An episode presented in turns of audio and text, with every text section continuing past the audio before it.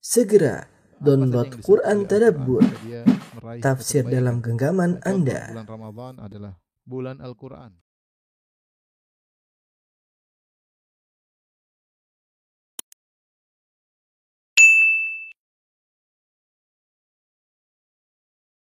Bismillahirrahmanirrahim. Assalamualaikum warahmatullahi wabarakatuh. Alhamdulillahi ala ihsani wa syukru lahu ala taufiqihi wa amtinani. Asyhadu an la ilaha illallah wahdahu la syarika lahu ta'ziman li sya'ni wa asyhadu anna Muhammadan abduhu wa rasuluhu da ila ridwani. Allahumma salli alaihi wa ala alihi wa ashabihi wa ikhwani.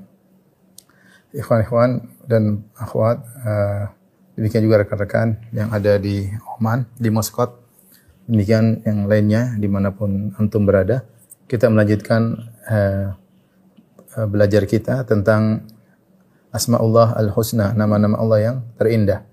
Pada pertemuan lalu kita telah membahas dua nama itu Al-Quddus dan As-Subuh.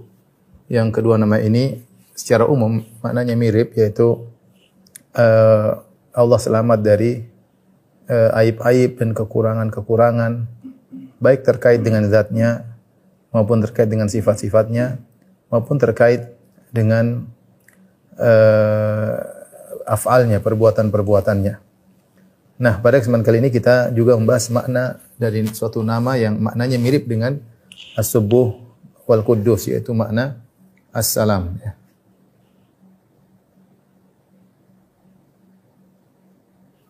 As-Salam ya. Yaitu ya, As-Salam yaitu yang maha selamat kalau kita terjemahkan ya, yang maha selamat ya. Uh, Assalam datang dalam Al-Quran ya, uh, dalam Al-Quran dalam satu ayat ya. Allah Subhanahu wa taala uh, menyebutkan dalam uh, surat Al-Hasyr ya di mana Allah Subhanahu wa taala uh, berfirman huwallahu alladzi la ilaha illahu al-malikul quddusus salam. Kata Allah Subhanahu wa taala al-maliku al-quddus as-salam ya. Di sini Allah menggandengkan al-quddus dengan as-salam dan sudah kita jelaskan makna al-quddus pada pertemuan lalu.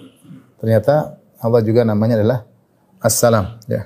Uh, dan satu ayat saja disebut tentang nama Allah As-Salam. Dalam hadis di antara zikir Nabi wasallam setelah salat, Nabi berkata, "Allahumma antas salam wa minkas salam." Ya Allah, Engkau adalah as-salam dan darimulah keselamatan. Engkau adalah as-salam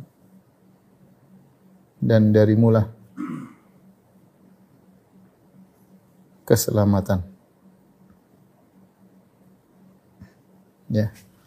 Uh, ini penyebutan uh, dalam juga dalam hadis yang lain ada dalam sebagian riwayat ketika hari kiamat Allah mengatakan ana al-malik, ana dayyan di antaranya Allah mengatakan ana salam dan aku adalah as-salam. Taib apa makna as-salam? As-salam uh, maknanya Uh, ditinjau dari dua sisi ya. Nah, pertama yang terkait dengan Allah Subhanahu wa taala yang terkait dengan dengan zat sifat dan af'al. Af'al itu perbuatan-perbuatannya. Yang kedua yang terkait dengan makhluk-makhluknya.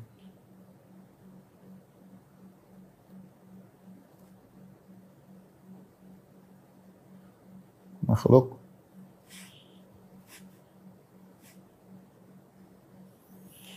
secara bahasa secara bahasa ya e, maknanya pasti secara bahasa kita bahas dulu. Assalam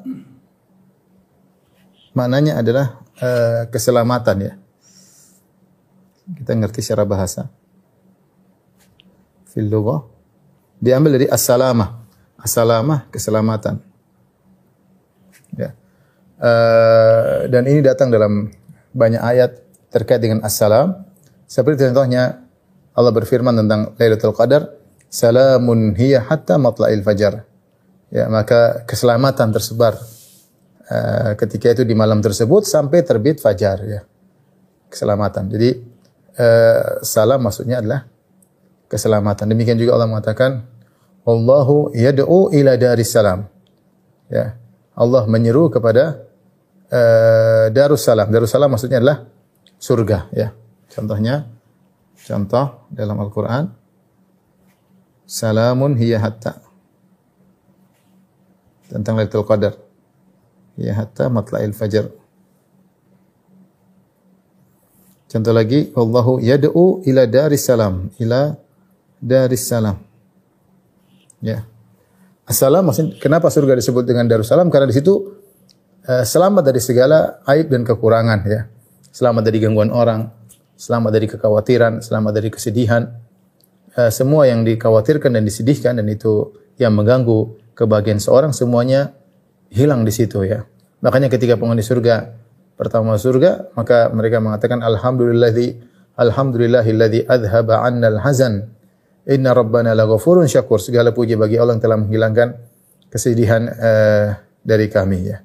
Demikian juga ketika penghuni surga mau masuk surga, kata Allah wasiqal ladzina taqaw rabbahum zumara hatta idza ja'uha wa futihat abwabuha wa qala lahum khazanatuha salamun alaikum dan digiringlah uh, orang-orang yang bertakwa kepada Rabb mereka ilal jannati zumar. Mereka dibawa secara berkelompok-kelompok menuju surga.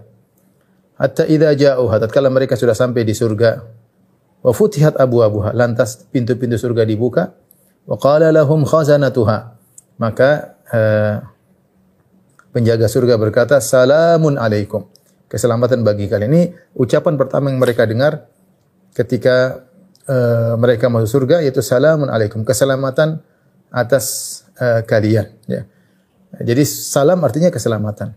Karena begitu masuk surga, hilang semua kekhawatiran, hilang semua kesedihan. Allah berfirman, uh, "Udkhuluha bisalamin aminin." Masuklah kalian ke dalam surga dengan penuh keselamatan, dengan penuh keamanan. Oleh karenanya surga disebut dengan Darus Salam ya. Seperti firman Allah Subhanahu wa taala, "Salamun ala man salamun ala man al huda." Keselamatan bagi orang yang mengikuti petunjuk. Jadi secara bahasa ini secara etimologi. Ya. Salam artinya keselamatan. Adapun maknanya kalau kita kaitkan dengan nama Allah Subhanahu wa taala maka ada dua kemungkinan. Yang pertama yang terkait dengan zat dan uh, sifat af'al ya. Kita zat Allah ini maksudnya semuanya selamat dari kekurangan. Semuanya selamat dari aib atau kekurangan. Dari sini ini maknanya sama dengan hampir sama dengan subuh dengan kudus. Dalam hal ini berarti assalam maknanya hampir sama dengan al-quddus ya sama hampir sama dengan as-subuh yaitu selamat dari kekurangan. Dari tinjauan zat Allah dan dari sifat-sifatnya dan uh, apa namanya dari perbuatan-perbuatan Allah Subhanahu wa taala. Ini akan kita bacakan perincian dari Ibnu Qayyim rahimahullahu taala. Ya, perkataan yang indah dari Ibnu Qayyim kita akan bacakan selamatnya zat Allah, sifat-sifat dan perbuatan-perbuatannya dari kekurangan ya, dari kekurangan. Uh, hanya saja sebagian ulama berusaha untuk membedakan apa bedanya As-Salam dan Al-Quddus. Sebagian mereka mengatakan Al-Quddus terkait yang telah lalu,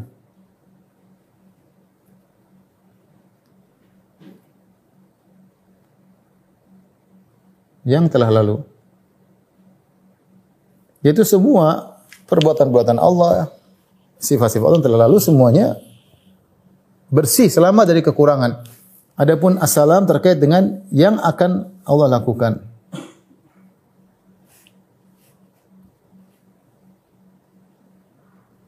Allah kerjakan. Semua yang akan Allah kerjakan juga selamat dari kekurangan ya. Makanya dia mengatakan selamat, maksudnya kok akan selamat. Ini sebenarnya mengatakan maksudnya Al-Qudus ditinjau dari yang telah lalu, adapun As-Salam ter terkait dengan uh, selamatnya Allah dari kekurangan-kekurangan terkait dengan apa yang akan Allah kerjakan di di di kemudian ya, di kemudian ya terhadap hamba-hambanya, terhadap makhluk-makhluknya, maka akan semuanya selamat dari uh, kekurangan. Nah, yang terkait dengan makhluk-makhluknya ini makna kedua. Apa itu assalam? Yang terkait dengan makhluk-makhluknya. Artinya uh, maknanya adalah uh, Allah uh, di sini di sini ada beberapa makna. Misalnya di antaranya Allah yang memberikan keselamatan memberikan keselamatan kepada hamba-hambanya.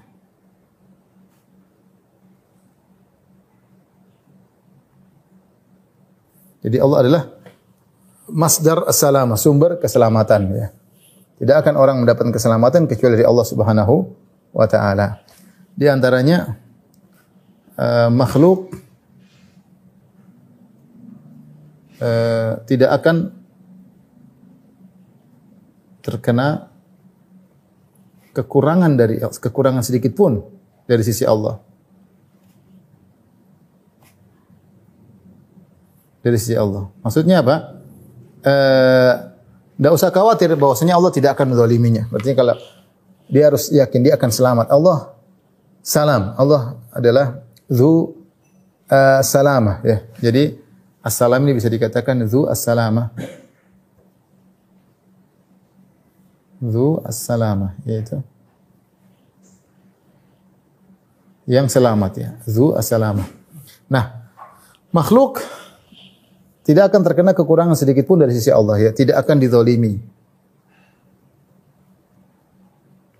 Dizalimi ya. Makhluk tidak akan dizalimi oleh Allah Subhanahu uh, wa taala ya. Tidak uh, mungkin juga Allah menciptakan uh, tanpa hikmah, tidak mungkin. Semua ketetapan Allah tidak mungkin tanpa hikmah ya. Tidak mungkin tanpa hikmah.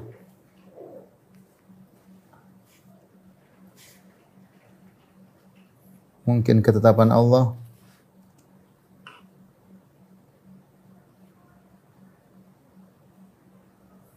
tanpa hikmah. Tidak mungkin. Karena Allah adalah Assalam. Ini contoh makna bahwasanya makhluk tidak akan uh, mengalami kekurangan dari sisi Allah Subhanahu wa taala, ya. Jadi tidak mungkin Allah makhluk terzalimi, tidak mungkin. Tidak mungkin Allah menetapkan sesuatu tanpa tanpa hikmah. Tidak mungkin Allah menciptakan batilan sekedar main-main. Abasa hanya sekedar bersenda gurau. Tidak mungkin. Karena itu Allah nggak mungkin disifati dengan dengan hal tersebut. Ini secara umum makna assalam ditinjau dari zat Allah dan sifat-sifatnya dan ditinjau dari keterkaitan Allah dengan makhluknya. Sekarang saya akan bacakan perkataan Ibnu Qayyim rahimahullah taala yang dinukil oleh Syekh Abdul Razak dalam uh, uh, kitabnya ya perkataan yang yang indah ya beliau menjelaskan bahwasanya uh, nama Allah As-Salam nama Allah As-Salam yaitu yang Maha Selamat ya ya ini mencakup uh, seluruh sifat-sifat Allah Subhanahu wa taala setiap sifat-sifat Allah secara detail secara terperinci pasti akan selamat dari uh, keburukan yang dikhawatirkan jadi kita sudah bilang tadi Beda antara assalam dengan al-Quddus. Assalam terkait dengan keburukan yang akan dikhawatirkan datang. Terkait dengan sifat-sifat dan perbuatan Allah. Adapun al-Quddus eh, terkait dengan yang telah lalu. Ya. Maka Ibnu Qayyim menjelaskan bahwasanya setiap eh, sifat-sifat uh, Allah selamat dari keburukan yang dikhawatirkan. Saya bacakan Ibnu Qayyim karena perkataan sangat indah. Walidzalika idza idza nadharta ila afradi sifati kamalihi wajadta kulla sifatin salaman mimma yudghadu kamalaha.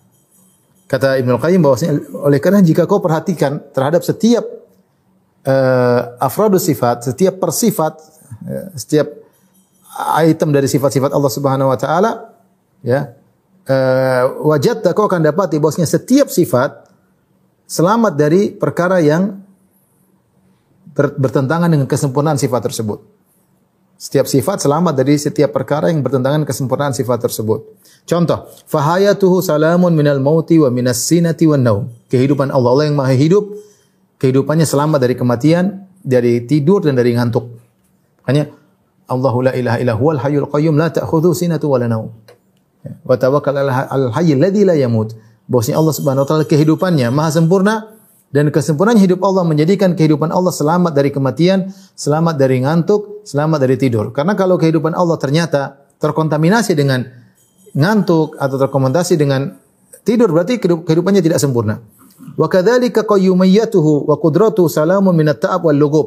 Demikian juga qayyumiyah. Qayyumiyah itu al-hayyul al-qayyum, al-qayyum itu zat yang maha mendirikan yang lainnya ya. Kalau tanpa Allah maka yang lain tidak bisa tegak.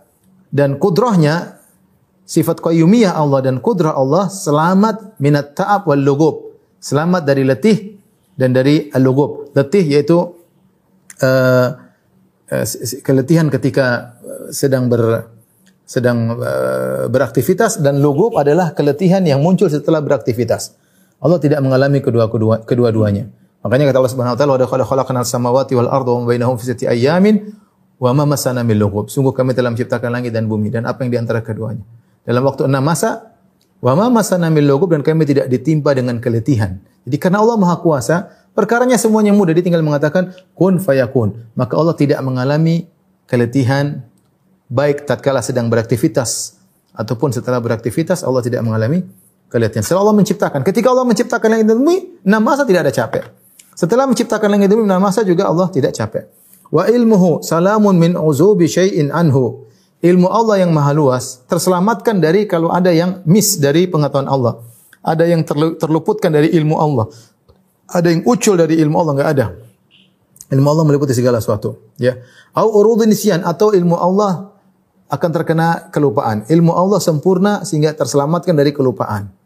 Atau au hajatin ila tadzakkur wa tafakkur dan ilmu Allah juga tidak selamat daripada ingat-ingat. Kalau kita manusia ingat apa ya? Ingat coba ingat. Allah tidak ada seperti itu. Wa ma kana rabbuka nasiya. Allah tidak pernah lupa. Tidak perlu mikir. Kalau kita mikir dulu mikir baru baru dapat. Ilmu Allah maha sempurna. Tidak perlu ingat-ingat, tidak perlu mikir. Allah ilmunya maha berilmu. Wa iradatu salamun min khuruji anil hikmah wal maslahah dan kehendak Allah Subhanahu wa taala tentang apa pun yang Allah tetapkan selamat dari hikmah dan dari tidak ada hikmah dan tidak ada maslahat. Semua yang Allah kehendaki pasti ada hikmahnya, pasti ada maslahatnya. Enggak mungkin Allah berkehendak sesuatu yang sia-sia uh, ya, ya, ya, yang tidak ada maslahat enggak mungkin. Karena Allah adalah as-salam. Kemudian kalimatuhu salamun minal kadzib wa dzulm. Demikian juga firman Allah sempurna. Makanya Allah mengatakan wa tammat kalimatu rabbika. Eh, ya, Eh, a'udzu bi kalimatillahi tammah. A'udzu bi kalimatillahi tammah. Aku aku berlindung uh, dengan kalimat Allah yang sempurna. Di antara kesempurnaan kalimat Allah Subhanahu wa taala, salamun minal kadzib wa dzulm. Tidak ada perkataan Allah yang dusta dan tidak ada perkataan Allah yang zalim. Kita manusia, perkataan kita kadang dusta, sengaja tidak sengaja, terkadang isinya kezaliman, tidak benar uh, dan lainnya. Bal tammat kalimatuhu sidqan wa adlan, tapi kalimat Allah jujur dan berisi dengan keadilan. Wa ginahu salamun minal haja ila ghairihi biwajhin ma. Dan Allah Maha Kaya, sifat Maha Kaya Allah selamat dari kebutuhan kepada selain Allah Subhanahu wa taala dengan kebutuhan apa pun tidak ada karena Allah Maha Kaya. Bal kullu ma siwahu mutajun ilaihi. Bahkan seluruh selain Allah butuh kepada Allah Subhanahu wa taala. Wa huwa ghaniyun an kulli ma siwahu dan Allah tidak butuh kepada siapa pun. Kemudian mulkuhu kepemilikan Allah salamun min munazi'in fihi au musyarikin au muawinin mudhahirin au syafin indahu biduni iznihi. Kekuasaan Allah sempurna. Selamat dari ada yang ingin menyaingi, ingin ikut-ikutan memiliki, tidak ada. Allah pemilikannya sempurna. Tidak ada yang berani ingin menyaingi Allah Subhanahu wa taala atau ikut serta memiliki, enggak ada. Allah memiliki sendiri atau membantu Allah untuk mengurusi uh, ciptaannya, enggak ada. Allah tidak butuh. Atau ada yang berani memberi syafaat di sisi Allah tanpa izin Allah, enggak mungkin. Jadi kepemilikan Allah Subhanahu wa taala kerajaan Allah sempurna sehingga selamat dari kekurangan-kekurangan ini semuanya. Ya. Kemudian wa hilmuhu wa afuhu wa safhu maghfiratuhu wa tajawuzuhu salamun min atakuna an haja minhu aw dhullin aw musanaatin. Adapun Allah memaafkan, sifat Allah hilm, Allah mengampuni. Sifat-sifat Allah ini selamat dari kebutuhan Allah. Allah tidak butuh.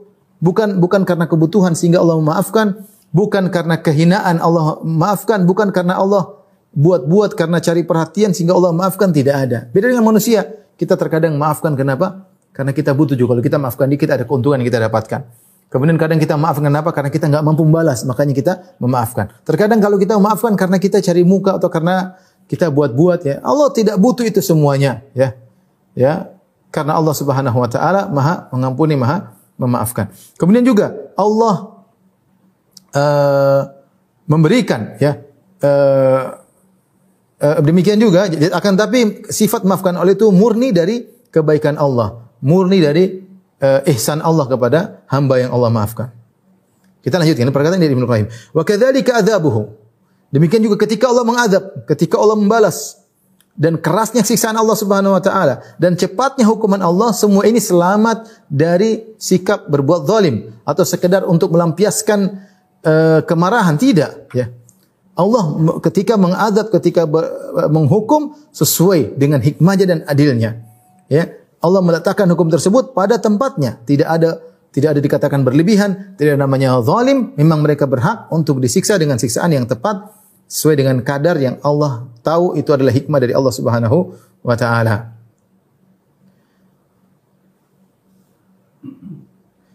Intinya kemudian beliau beliau berkata juga ya uh, makanya tidak mungkin Allah segala keputusannya ya kata Allah wa qada'uhu wa qadru wa qadaruhu salamun minal abas semua ketetapan Allah semua takdir Allah selamat dari perbuatan sia-sia selamat dari kezaliman Ya, barang siapa yang menyangka bahwasanya takdir Allah terjadi tanpa ada hikmah, ya, eh, bahwasanya syariat dan agamanya, ya, eh, apa namanya, itu adalah tidak benar. Bahwa semua yang Allah tetapkan pasti ada hikmahnya. Selamat dari ketidakadilan. Pasti adil. Wa syar'uhu wa dinu salamun min tanaqud wal ikhtilaf dan syariat Allah dan agama Allah selamat dari kontradiksi, ya, selamat dari kegoncangan, ya, dan selamat dari bertentangan dengan masalah hamba. Artinya Ibnu Qayyim ingin menjelaskan bahwasanya semua syariat Allah pasti adil, pasti tidak kontradiktif, pasti saling mendukung, pasti sesuai dengan kemaslahatan para para hamba. Pasti ini adalah konsekuensi dari rahmat Allah Subhanahu wa taala. Semua syariat Allah Subhanahu wa taala. Demikian juga pemberian Allah, anugerah Allah selamat dari sifat timbal balik ketika Allah berbuat baik kepada hambanya, bukan karena Allah dapat masalah dari hambanya. Tidak ada. Semuanya memang karena kebaikan Allah Subhanahu Wa Taala. Beda dengan kita manusia, terkadang kita ingin memberikan, kita ingin dapat timbal timbal balik. Makanya uh, Allah mengatakan ini ahsantum ahsantum li anfusikum. Kalau kalian berbuat baik adalah untuk diri kalian sendiri, bukan untuk Allah Subhanahu wa taala. Wa may fa inna ma yashkuru nafsi. Siapa yang bersyukur maka dia bersyukur untuk dirinya sendiri. Allah Subhanahu wa taala juga berfirman, Eh, wa man tazakka fa inna ma yatazakka li nafsi. Siapa yang mensucikan dirinya adalah untuk dirinya. Allah tidak butuh itu semua. Jadi ketika Allah memberi bukan karena uh, timbal balik. Allah tidak butuh dengan kebaikan kita. Allah mengatakan, Ya ibadi, law anna awwalakum wa akhirakum wa insakum wa jinnakum kanu ala atqa qalbi rajulin wahidin minkum ma zada fi mulki syai'a. Wahai hamba-hambaku, kalau kalian seluruh dari awal sampai akhir, jin dan manusia, Semuanya hatinya seperti hati hamba orang yang paling bertakwa. Semuanya hatinya seperti Nabi Muhammad SAW.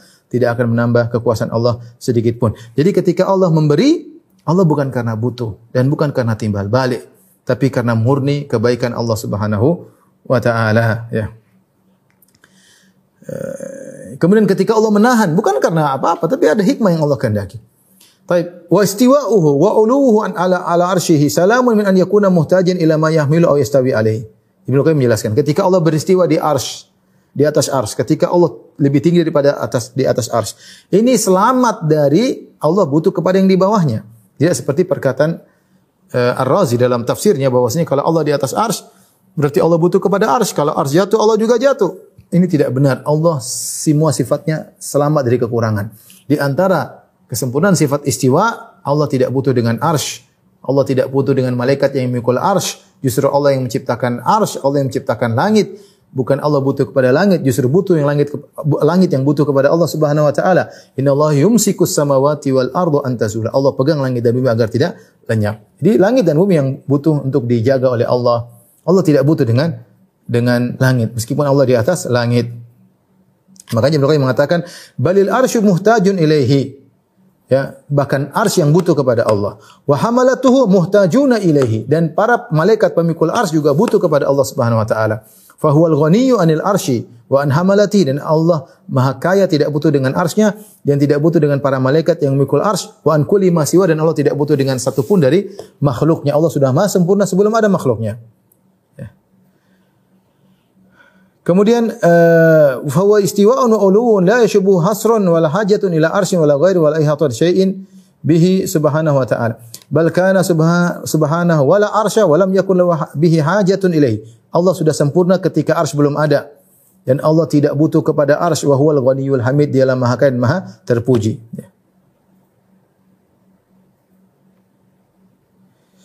Taib. Kemudian juga wa nuzuluhu kulla lailatin ila sama'id dunya dan Allah turun ke langit dunia setiap malam.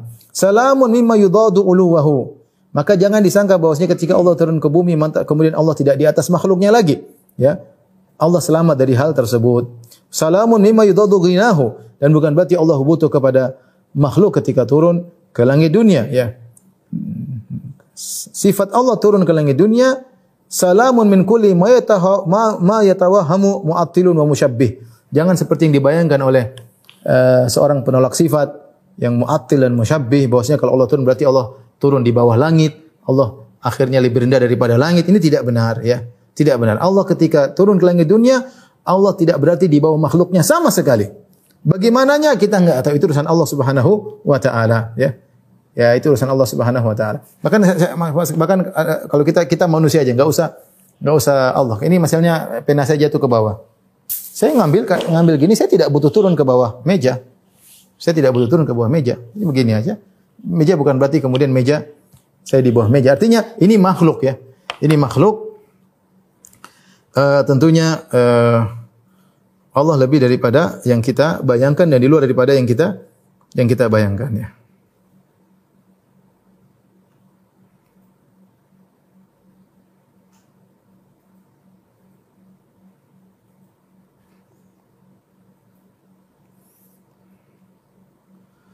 Taib, eh, kita lanjutkan. Kemudian Ibnu Qayyim terus menjel- menjelaskan ya. Eh,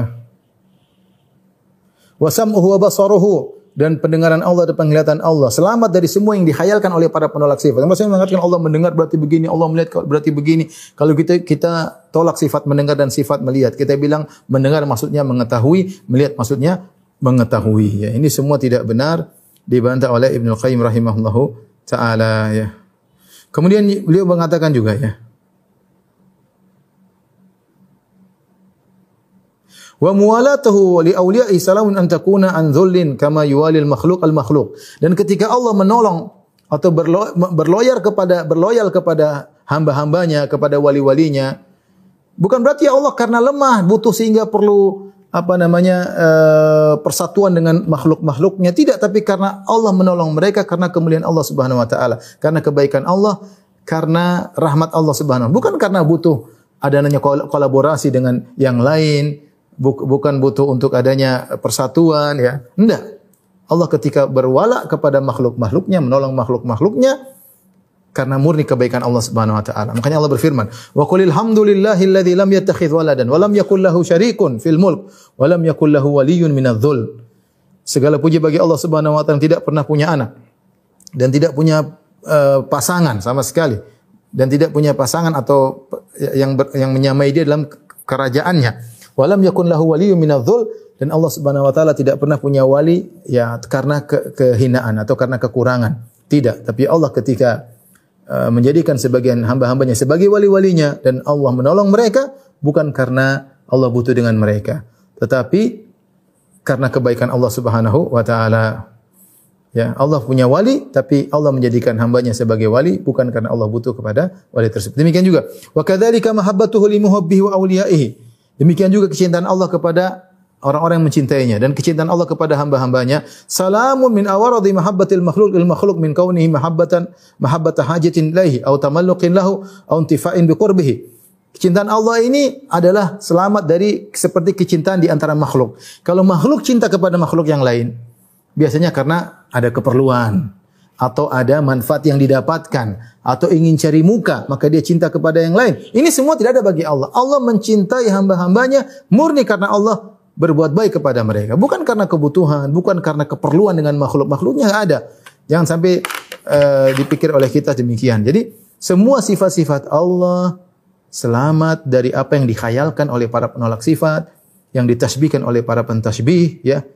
Dan semuanya sifat Allah, tangan Allah, wajah Allah, semua sifat Allah, zat Allah tidak ada yang sama dengan uh, yang dikhayalkan atau selamat dari apa yang dikhayalkan oleh uh, makhluk-makhluknya. Ini ikhwan dan akhwat yang rahmati Allah Subhanahu wa taala, secara umum makna tentang assalam ya. Assalam eh, apa namanya? terkait dengan zat Allah dan assalam terkait dengan uh, sikap Allah terhadap makhluk-makhluknya, makhluk-makhluknya merasa aman, jangan jangan sampai tidak ada akan ada kekurangan dari sisi Allah yang menimpa mereka. Allah tidak bakalan zalim. Allah tidak akan membuat sesuatu sia-sia. Allah tidak akan melakukan satu tanpa ada uh, kemaslahatan, tanpa hikmah enggak mungkin. Ya, jadi tidak usah khawatir karena Allah assalam, karena Allah assalam. Taib ini secara sederhana tentang makna assalam. Sekarang apa sih uh, yang kita bisa ambil dari assalam, makna assalam. Ya. Di antaranya yang paling penting, ikhwan akhwat yang rahmatillah subhanahu wa ta'ala, kita tahu bahwasanya Allah adalah assalam, sumber keselamatan, wa minka salam. Dan dari Allah adalah segala keselamatan. Nah kalau kita ingin selamat, maka kita harus menjalankan perintah Allah subhanahu wa ta'ala. Semakin kita menjalankan perintah Allah, maka kita akan paling selamat. Karenanya Allah turunkan di antara konsekuensi Allah as-salam, Allah Maha selamat, maka Allah turunkan syariat-syariat kepada kita agar kita selamat dengan menjalankan syariat tersebut, agar kita bahagia di dunia terlebih lagi di akhirat. Semakin kita menjalankan syariat Allah, maka kita akan semakin selamat. Ya, kita akan selam, semakin selamat tatkala di, di dunia, tatkala akan meninggal dunia, tatkala di alam barzakh dan tatkala kita di akhirat kelak, ya. Makanya di antara tafsiran tahiyyatuhu yauma yalqaunahu salam ya. ya. Uh, dan dan apa namanya uh, tahiyat dari Allah Subhanahu wa taala ketika mereka bertemu dengan Allah adalah assalam. Di sini ada tafsir yang mengatakan ketika mereka mau surga Allah mengucapkan salamun alaikum. Dan ada yang mengatakan ketika mereka dalam sakaratul maut maka ucapan salam kepada hari di mana mereka bertemu dengan Allah di antaranya ketika akan meninggal meninggal dunia. Nah, ketika seorang menjauh dari syariat Allah, maka dia menjauh dari keselamatan. Kita kalau ingin selamat maka berusaha untuk menjalankan syariat Allah sebisa mungkin. Itu di antara konsekuensi kita meyakini Allah adalah uh, as-salam. Kemudian di antara uh, konsekuensi dari kita memahami as-salam sebagaimana sering kita sampaikan so, seorang sebisa mungkin meniru uh, apa namanya sifat-sifat Allah yang baik ya. Tentu tidak akan sama dengan Allah seperti Allah pemaaf maka kita berusaha maaf. Maafkan ya. Allah rahmat maka kita rahmat dan Allah Nabi wasallam mengatakan uh, apa namanya?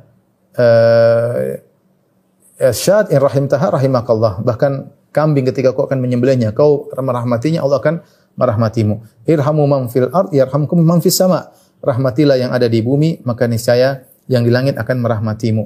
Ya, maka ada sifat-sifat yang kita bisa tiru. Di antaranya sifat rahmat, sifat al-ufu, uh, apa namanya?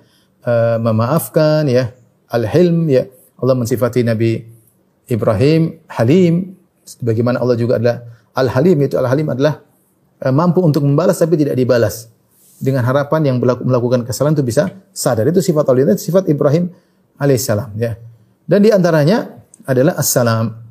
Artinya apa? Ketika tahu Allah Maha pemberi keselamatan, kita juga berusaha tidak mengganggu orang lain.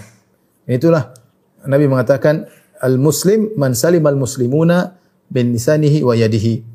Ya, sungguhnya muslim yang sejati adalah yang orang-orang Islam selamat dari gangguan lisannya dan dari gangguan tangannya. Itu kita berusaha diri kita juga memberi keselamatan kepada orang lain. Oleh karenanya Nabi sallallahu alaihi wasallam uh, memotivasi kita untuk saling memberi salam. Kata Nabi sallallahu alaihi wasallam, uh, la la tadkhul la tadkhulul jannata hatta tu'minu. Kalian tidak akan masuk surga sampai kalian beriman. Wala tu'minu hatta tahabbu dan kalian tidak akan beriman sampai kalian saling mencintai. Awala adullukum ala ala syai'in idza fa'altum fa'altumuhu tahabbtum maka aku tunjukkan kepada kalian dengan suatu perkara jika kalian melakukan maka kalian akan saling mencintai afsyus salama bainakum tebarkanlah salam di antara kalian di antara dakwah Nabi pertama kali masuk kota Madinah adalah memberi salam kata Abdullah bin Salam radhiyallahu anhu awwala awwalu kalamin sami'tu min Nabi sallallahu alaihi wasallam ya ayuhan nas afsyus salam Perkataan pertama kali aku dengar dari Nabi ketika Nabi masuk kota Madinah, kata Nabi sallallahu alaihi wasallam, "Wahai manusia sekalian, tebarkanlah salam." Dan apa kita mengucapkan assalam? Assalamualaikum. Makna assalamualaikum maknanya adalah semoga keselamatan bagi kalian.